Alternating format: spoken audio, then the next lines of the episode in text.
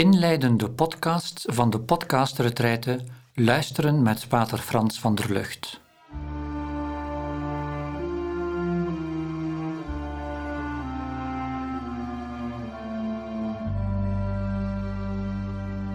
Op 7 april 2014 werd in Homs, in Syrië, Pater Frans van der Lucht vermoord. Pater Frans was een Nederlandse priester, lid van de orde van de Jezuïeten. Drie dagen later zou hij 76 jaar zijn geworden. Zijn dood was wereldnieuws. De Nederlandse regering, de paus, de Verenigde Naties, allemaal reageerden ze binnen enkele dagen. Enkele maanden daarvoor waren over de hele wereld beelden te zien geweest uit Homs. In Syrië heerste al enkele jaren burgeroorlog. Die is nu, vijf jaar later, nog niet voorbij. De stad Homs was het strijdtoneel van bittere gevechten en bombardementen. Pater Frans koos ervoor om bij zijn mensen in de oude stad te blijven. Hij liet zich niet verleiden tot het kiezen voor de ene of de andere partij.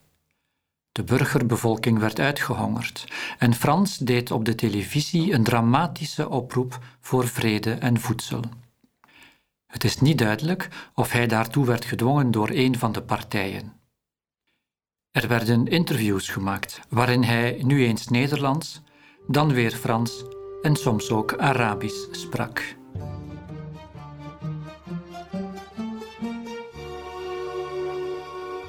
Frans was behalve priester ook psycholoog. Hij was een begenadigd begeleider van jonge mensen. Duizenden jonge mensen uit alle geledingen van de bevolking en van vele godsdiensten heeft hij meegenomen op zijn trektochten door Syrië. Die tochten waren afmattend, confronterend en verdiepend. Hij stichtte een huis voor gehandicapte kinderen, was Syriër met de Syriërs en was voor hen pastor en raadsman.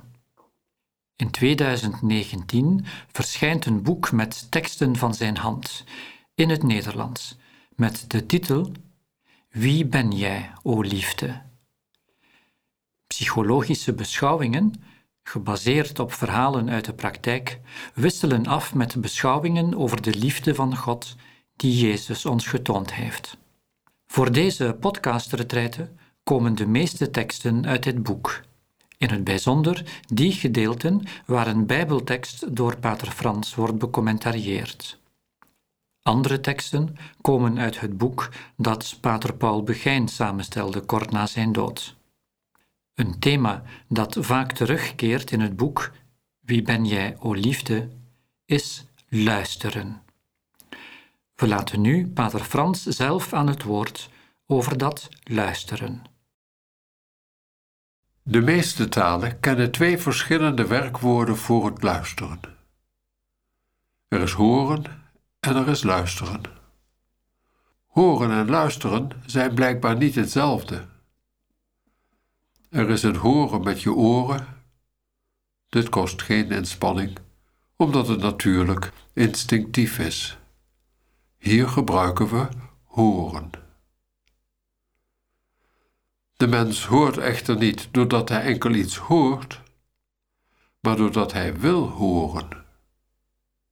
Hij wil aanwezig zijn bij de ander met liefdevolle aandacht en hij kiest ervoor toehoorder te zijn. Een keuze die telkens opnieuw gemaakt wordt. Dit is luisteren. De luisterende mens is aanwezig bij de ander met twee open, stille, naakte oren. Met de stilte van zijn luisteren geeft hij ruimte aan het spreken van de ander, opdat het vrij naar buiten komt als water uit een bron. Als iemand echt luistert, dan wordt de spreker meer vrij, meer zichzelf en meer aanwezig voor zichzelf en voor de ander. We zeiden dat de luisteraar aanwezig is met twee open, naakte, stille oren. Er is een stilte in de oren van de luisteraar. Via deze stilte zegt hij: Ik ben helemaal aanwezig om jouw spreken te ontvangen. Jouw spreken is belangrijk, want jij bent belangrijk. Ik wacht op je. De luisteraar met zijn stilte nodigt het woord van de ander naar buiten en ontvangt het zonder het te willen bezitten. Hij zegt: Ga je gang, wees welkom, doe alsof je thuis bent. In mijn huis kun je vrij zijn en je spreken. Je bent hier thuis. De luisteraar ontvangt het woord van de ander in de krib van zijn hart, zodat het daar geboren kan worden.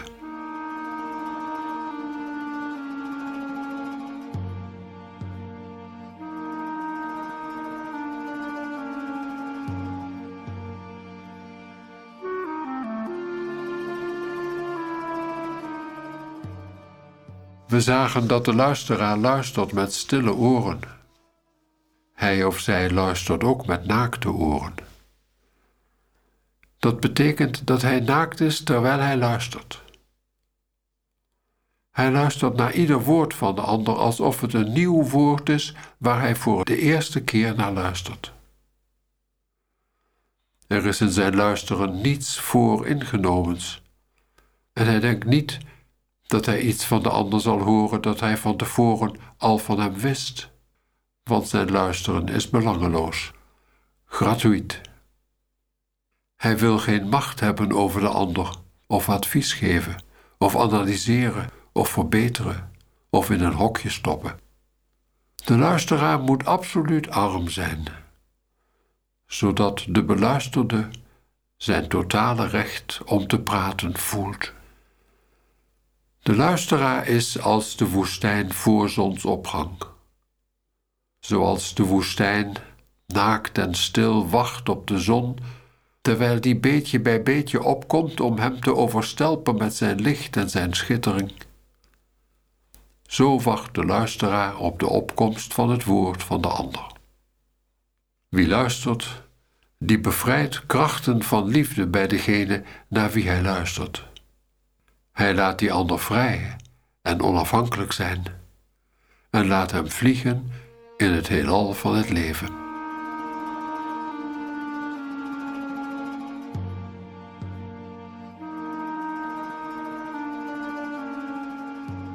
Luisteren is wel moeilijk.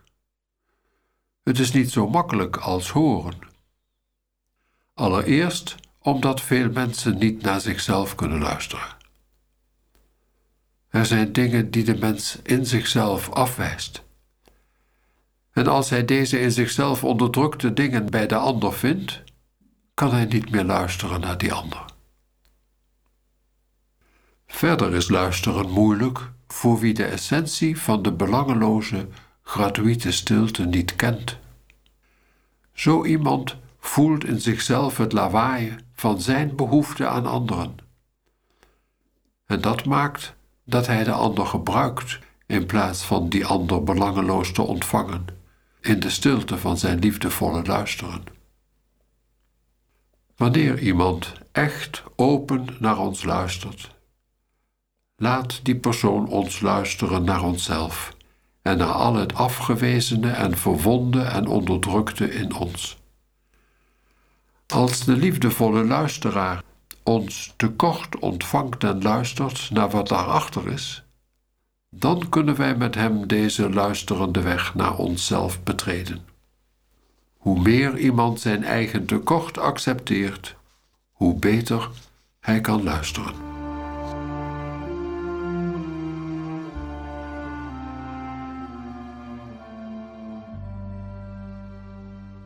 God kan ons helpen om een goede luisteraar te worden. Wanneer God, die lief heeft, het hart van de luisteraar vult met zijn pure liefde, verhoogt hij diens acceptatie van zijn tekorten en wordt de luisteraar meer luisterend en meer liefhebbend. Wanneer wij bidden, spreken we vaak meer dan we luisteren. Te vaak zijn we zelf de focus, niet God. De gelovige zou moeten luisteren in innerlijke stilte naar het woord van God. En dan kan dat woord binnenkomen als scheppende aanwezigheid vol van liefde. Maar hoe kan God binnentreden als we ons niet eerst leegmaken? De gelovige die luistert naar Gods hart, mag ontdekken dat God helemaal liefde is en dat God verlangt om deze liefde door te geven. De gelovige mag deze overstromende liefde ontvangen in zijn hart en zich overgeven aan Gods wil. De gelovige neemt de goddelijke liefde niet, maar ontvangt haar. Kijk maar naar Jezus bij het laatste avondmaal. Ik ben het brood des levens, neemt en eet. De gelovige zal geen liefde van God nemen om zijn eigen belang te dienen, maar hij verlangt Gods liefde te ontvangen, omdat hij heeft ontdekt dat God die graag aan hem geeft. Zo ontvangt hij de goddelijke liefde uit liefde voor God.